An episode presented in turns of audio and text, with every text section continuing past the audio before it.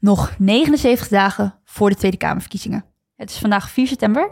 Welkom bij de campagne van BKB, het campagnebureau.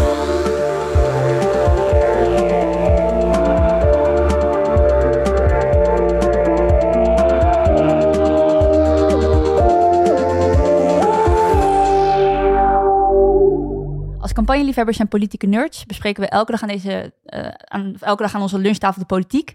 En dat gaat er best wel feisty aan toe. En in aanloop naar de Tweede Kamerverkiezingen hebben we dat gesprek eigenlijk omgegoten uh, in een podcast.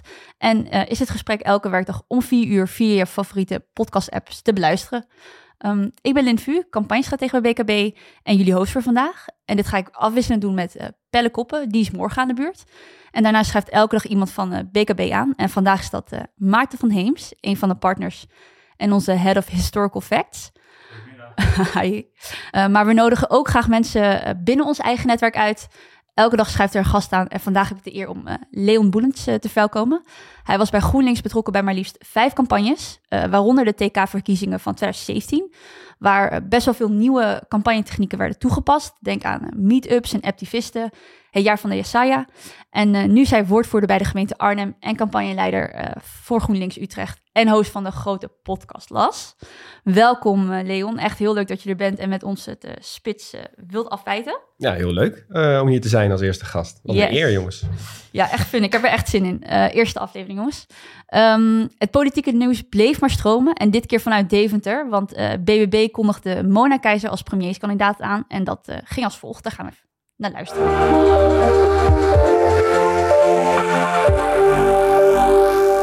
Mona, ik ga jou even... Nee, ik wil wel een applaus voor de mensen die hier zo hard hebben gewerkt.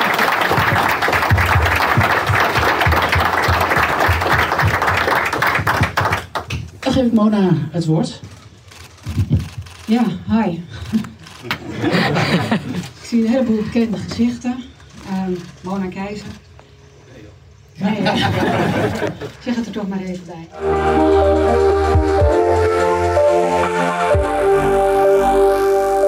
We luisterden naar de persconferentie van BBB die afgelopen vrijdag op hun uh, YouTube-kanaal werd uitgezonden.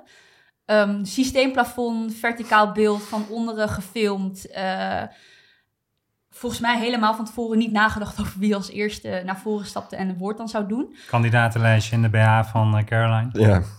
Wat vinden we van deze beeldregie, Leon? Um, ja, puur vorm. Uh, het past natuurlijk perfect bij ze. Het is niet gelikt. het is helemaal uh, volgens de doelgroep gefilmd met een aardappel. Uh, de geluidskwaliteit is compleet ruk. Dus ja, ik vond het een genot om naar te kijken natuurlijk. En inderdaad, uh, hoe ze een beetje naar voren aan het schuiven waren en naar achter op die beelden. Je moet het echt even terugkijken en dan niet proberen te luisteren naar de woorden, maar te kijken naar die beelden. Nou, het is fantastisch. Want is dit dan wat de BBB-kiezer wilt zien? Goeie vraag. Uh, ik denk wel dat als je aan was gekomen met een heel gelikt filmpje van uh, Mona Keizer midden op een voetbalveld in het midden van Nederland, uh, dat ze dat niet echt hadden geaccepteerd. of geaccepteerd, dat hadden ze niet zo leuk gevonden, denk ik. Mm. Dit past wel veel beter Waarom bij niet? ze. Ja, ik denk toch, ze willen, ja, ze willen anders zijn. Hè? Ze willen de, de, de macht uitdagen en die oude politiek afscheid van nemen. En daar hoort toch ook een beetje die gelikte filmpjes bij en die uh, voorbereide uh, presentaties van de kandidaten en zo. En inderdaad, zo'n briefje wat je als het ware in een teleprompter hebt. Maar het is natuurlijk veel echter dat zij dat gewoon uit de BH trekt. Ja, dat is gewoon, dat, dan zien ze iemand zoals wij. Dus de nieuwe politiek is uh, briefjes uit je BH trekken? Ja, het is professional amateurism noemen we dat ook wel in campagnetechniek. En dat je in ieder geval de schijn oproept dat uh, alles niet zo bedacht is, dat je een echt mens bent, om even in Mona Keizer taal te spreken. En dat trekt ze vaak ook door naar verkiezingsbijeenkomsten. Beroemd voorbeeld is dat George Bush in zijn campagne, dat er altijd vooraan mensen stonden met zelfgeschilderde campagneposters, met alleen maar een W erop en een, en een mooie sterren eromheen en zo.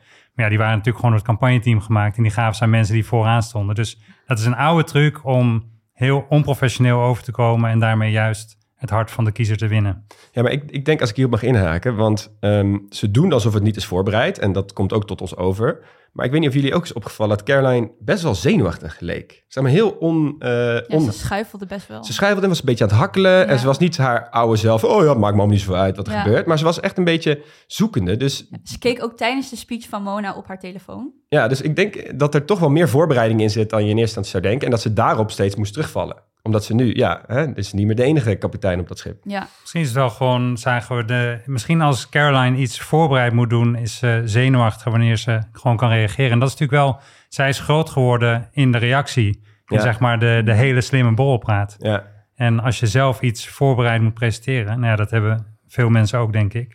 Dan ben je ineens zenuwachtiger dan wanneer je gewoon kan, uit de heup kan schieten. ja, ja precies. ja dus de BBB heeft dit expres zo kneuterig eh, gedaan. Denk het toch wel. Ja, dat denk ik inderdaad ook wel. Hoeveel punten voor de beeldregie geven we?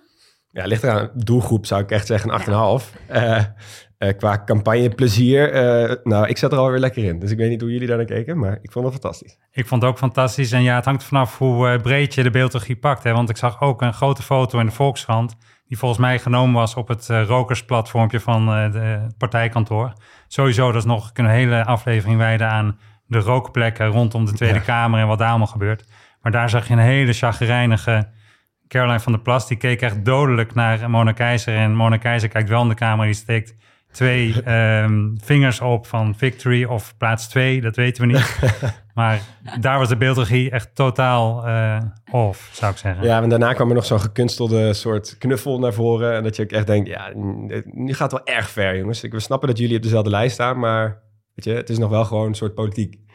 Ja, Ik ga het zo maar ja. zeggen, het is niet eh, op de eerste dag van je Kamerlidmaatschap met een trekker eh, aankomen op het Binnenhof. Nee, exact. Dat was toch nog wel eh Ja. Hogere, hogere school beeldregie van Caroline dan we nu hebben gezien. Nou, Ja. het grappige is dat we vanuit onze contacten van de BBB weten dat, dus, dat ze met het feit dat ze met de tractor eh, het binnenhof eh, opreed, dat dat echt soort van op de ochtend zelf eh, bedacht was, omdat iemand nog een letterlijk een oom wat die een boer is en een tractor heeft. En eh, dezelfde bron zei vandaag dat eh, hoe de livestream is aangepakt, ja, dat dat zo is gedaan omdat het goed werkt voor YouTube. Ja, maar je ziet ook met de beste ideeën in de politiek, die komen eigenlijk, die komen eigenlijk gewoon op, zeg maar. Je kan van tevoren iets helemaal tot een treurnis bedenken, maar de beste ideeën komen gewoon als je er 's ochtends zit en in één keer denkt, oh ja, dit wil ik echt gaan doen, zeg maar. Of het overkomt je. Want bijvoorbeeld wat wij bij GroenLinks wel eens hebben gehad, was niet eens een idee, maar dat was meer een reactie. Dus als alles goed gaat, wat toen ook bij Caroline was, alles ging goed. Dus dan valt alles ook meteen jouw kant op. En wij hadden in GroenLinks in 2017 hadden we een debat. En dat, eh, hè, Jesse dat ging heel goed. En GroenLinks stond er goed voor. Maar zijn stropdas zat net een beetje scheef van Jesse.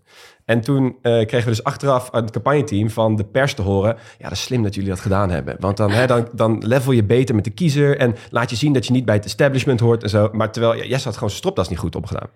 Dus nou ja, dat is hoe je het verklaart. Is ook weer, zeg maar, je kan het dood analyseren, maar Ja. zoals al vaker, heel veel van deze dingen die gebeuren gewoon. Er zit helemaal geen groot verhaal Ja, achter. ik ben echt zo benieuwd met hoeveel van de hot takes die we in deze podcast nog gaan opnemen. En dat we dan eigenlijk achteraf van anderen gaan horen van ja, jullie hebben dit helemaal kapot geanalyseerd. Maar ja, het kwam gewoon op of het gebeurde gewoon zo. Ja, 9 van de 10 keer is dat wel het geval. Nice. Ik heb wel een analyse klaar over eh, de keuze voor nummers 2 tot met 5. Ja, nou, voordat we aan die analyse beginnen, relateer ik daar wel aan. Maar ik wil het eerst hebben over op één. Omdat na de bekendmaking van, eh, van Mona als premierskandidaat en nummer twee op de lijst... schoven Caroline en Mona eh, aan tafel bij op één... eh, met Thijs van den Brink en Sven Kokkelmans uit mijn hoofd. Ehm, daar gaan we ook even snel naar luisteren.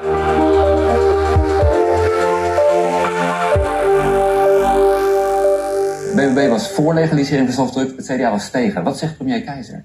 Dat is een onderwerp dat heb ik nog niet eh, gelezen, dus dat moeten we nog doen. Als u nou met mij een gesprek wil hebben over de ouderenzorg, daar kan ik wel het een en ander over zeggen. Ja, nee, de, Maar daar wil u vast niet naar. jawel, op Ja? een ander moment. We hebben nu Ja. nog één minuut, dus dat gaan we Ja. nu niet meer doen.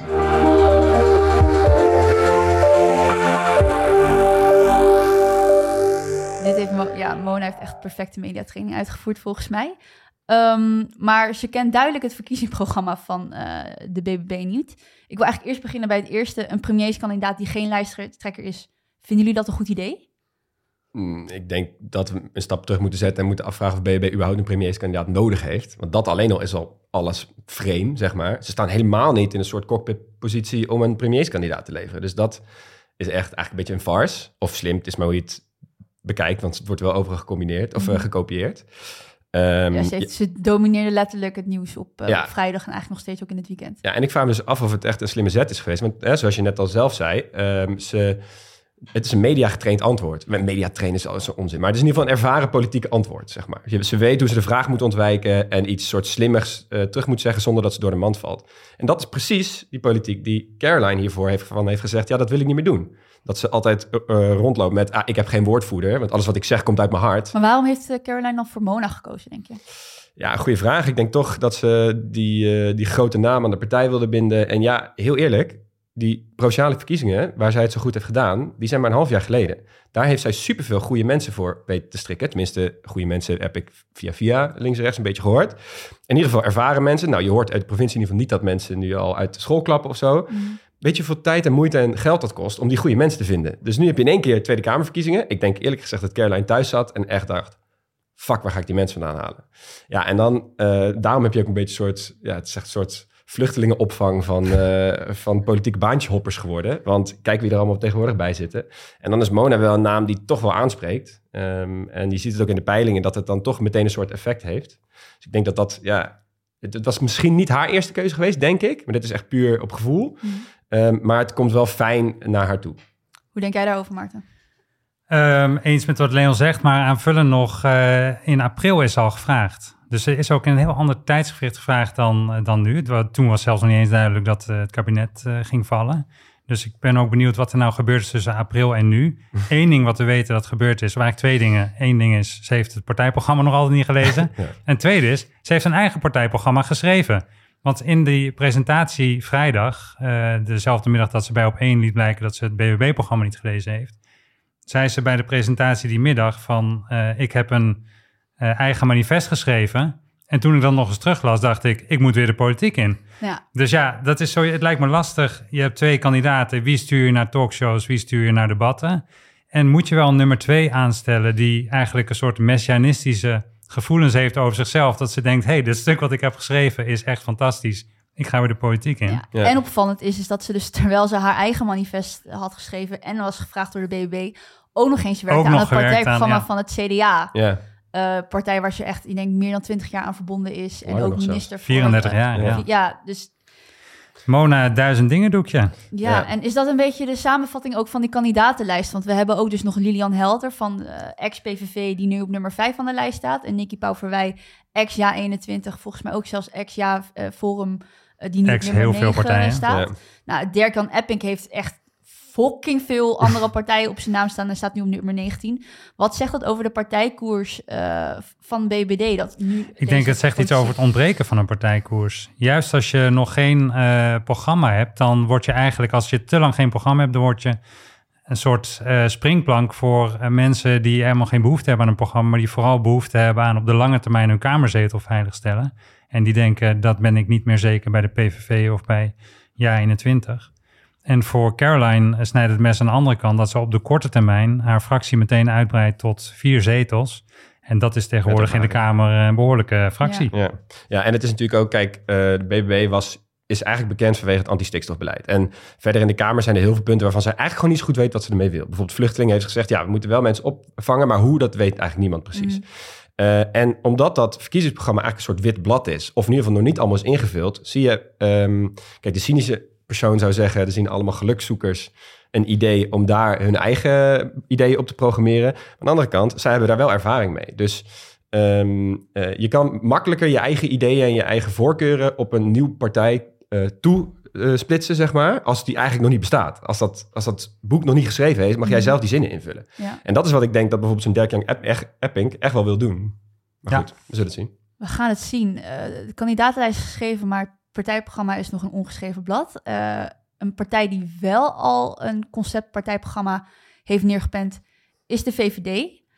Um, voordat ik daarover wil beginnen, gaan we, kijken, uh, gaan we luisteren naar een fragment van uh, Dylan Jesilgus van vorige week. tijdens een persconferentie die nu op het Algemeen Dagblad is gepubliceerd. Over hoe zij kijkt naar de partijen rechts van haar.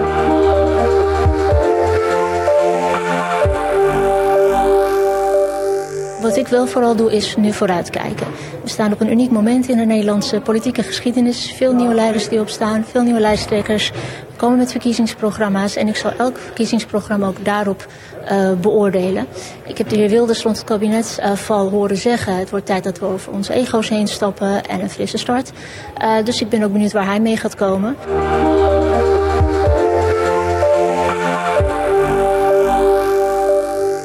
Jezus die uh, houdt duidelijk de deur open voor uh, partijen zoals de PVV en andere partijen uh, rechts van haar partij. Een breuk met haar voorganger Mark Rutte, die heel duidelijk de deur dichtgooide voor de PVV.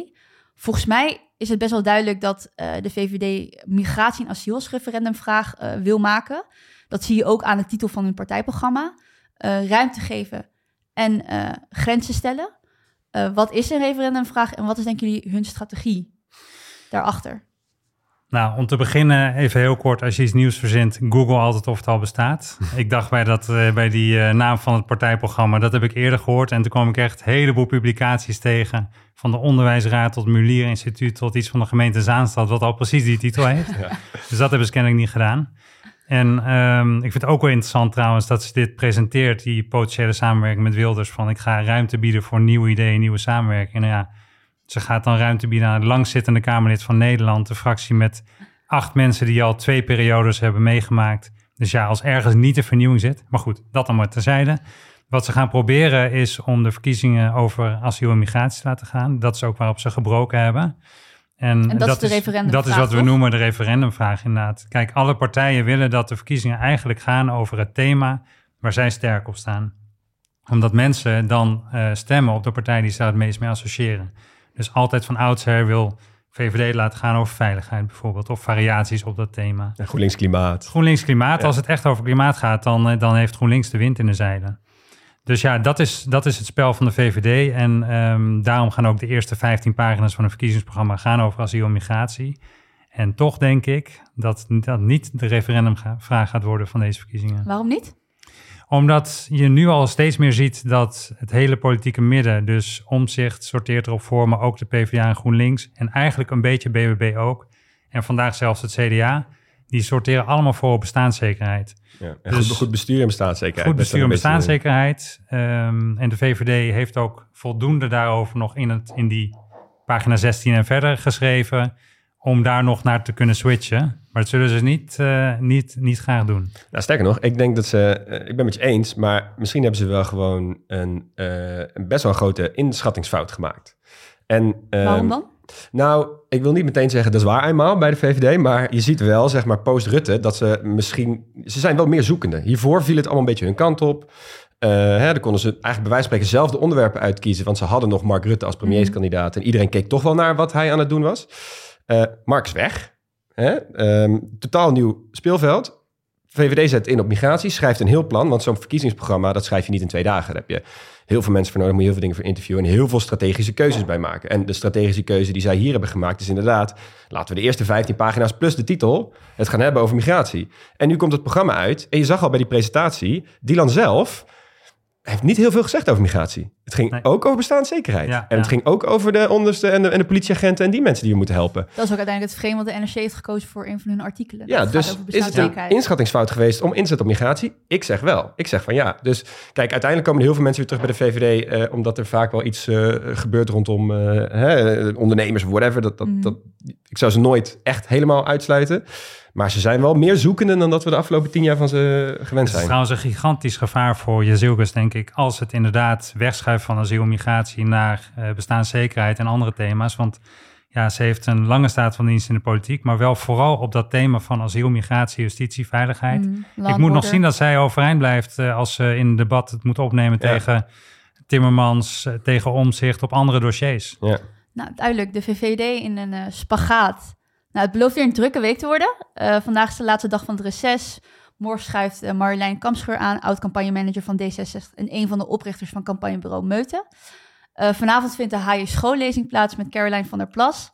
wij gaan het in ieder geval volgen. Um, ik wil jullie in ieder geval hartelijk danken voor feit dat jullie hier plaatsnemen in het gesprek. Dankjewel. Echt, eh, Dankjewel. Heel fijn. Dit was eigenlijk alweer de eerste aflevering. Eh, mocht je het nou leuk veel vinden, deel het met je familie, buren, kennissen en vrienden. Eh, dat zou ik heel fijn vinden. en vergeet je niet te abonneren op onze podcast. Die verschijnt dan iedere dag in je pod- podcast-app. Ehm, heb je prangende vragen, kritische noten, vinden we ook altijd fijn. Of juicy takes, eh, DM of mail ons dan via @campagnedaily op Insta en campagnedaily@bkb.nl. Heel veel dank aan Leon en Maarten. Tot morgen. Tot morgen. Tot morgen.